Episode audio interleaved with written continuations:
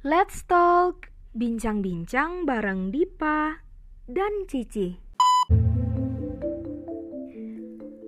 Media jelas memberikan peranan yang sangat besar, terutama dalam situasi saat ini. Media tidak hanya semata-mata mempengaruhi pemikiran masyarakat, melainkan menggiring opini publik terhadap isu yang dimunculkan.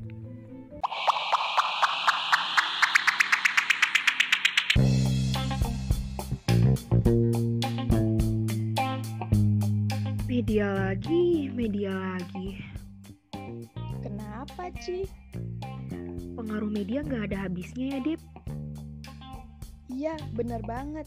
Apalagi saat pandemi ini, media memiliki power yang kuat untuk mempengaruhi masyarakat, baik itu mengedukasi maupun memprovokasi. Hmm, seberapa berpengaruh sih media? Nah, yuk kita bahas. Stay tune ya. Pengaruh komunikasi massa telah mengalami perkembangan yang besar saat ini. Masyarakat diyakini sangat terpengaruh oleh pesan-pesan media, karena media dianggap sangat kuat dalam membentuk opini masyarakat. Raymond Bauer telah memberi gambaran bahwa akan ada banyak penelitian-penelitian tentang pengaruh media. Hal ini karena dia melihat pengaruh yang besar ditimbulkan oleh media. Penelitian yang terkenal mengenai pendekatan pengaruh ini adalah pendekatan Klaper. Dalam meneliti tulisan-tulisan tentang pengaruh komunikasi massa, Klaper mengembangkan tesis bahwa komunikasi massa tidak langsung menyebabkan pengaruh pada masyarakat, tetapi termediasi oleh variabel-variabel lain. Jadi, media dikatakan sebagai pendukung keberhasilan atau kegagalan hal tersebut. Akhir-akhir ini kita dikejutkan dengan kebijakan baru dalam menghadapi permasalahan terkait pandemi, yaitu kebijakan new normal life.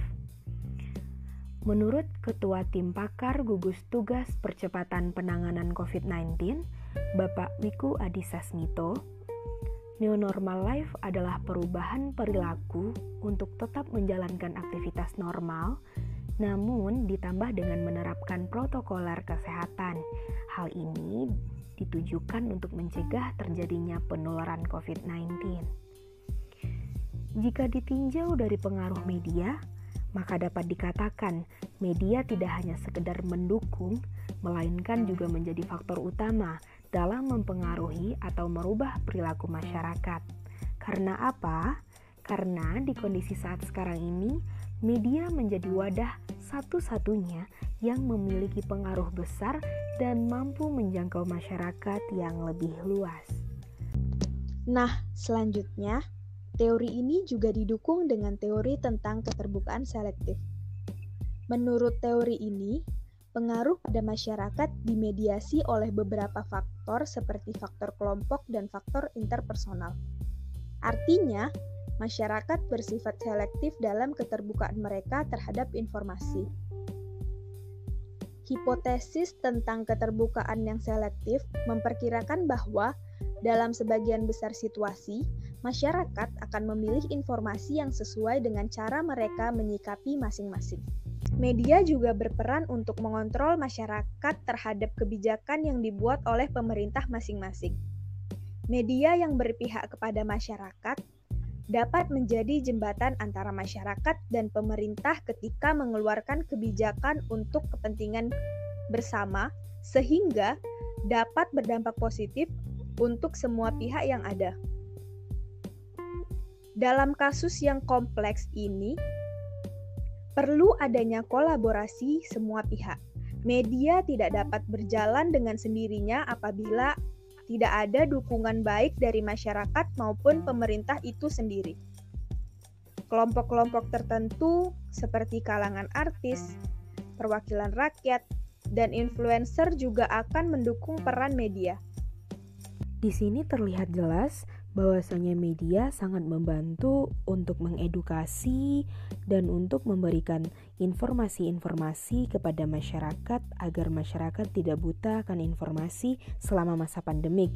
Nah, ini juga akan menjadi bahan pertimbangan keberhasilan atau kegagalan dari penerapan kebijakan baru yaitu new normal life ini. Seperti apa yang telah disampaikan oleh Diva, bahwa faktor-faktor yang mempengaruhi keberhasilan atau diterimanya informasi dari media itu dilihat dari siapa yang menyampaikan, pesan apa yang dia sampaikan, tepat sasaran-kah atau tidak, dan bagaimana cara media mengemas isu atau informasi tersebut agar layak untuk diterima dan dikonsumsi oleh masyarakat.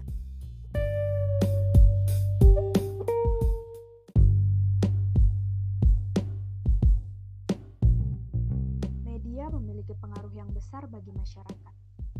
Kita harus memanfaatkan media dengan bijaksana dan sebaik-baiknya. Masyarakat juga harus berhati-hati dalam memilih berita dengan tidak mudah percaya pada berita yang belum tentu benar faktanya, dan memberi tanggapan yang positif terhadap isu yang tengah dibicarakan pada saat ini.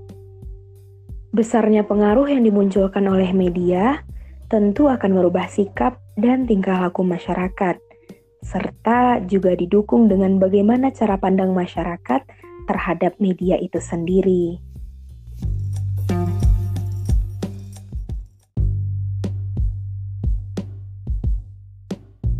Sekian Let's Talk kali ini.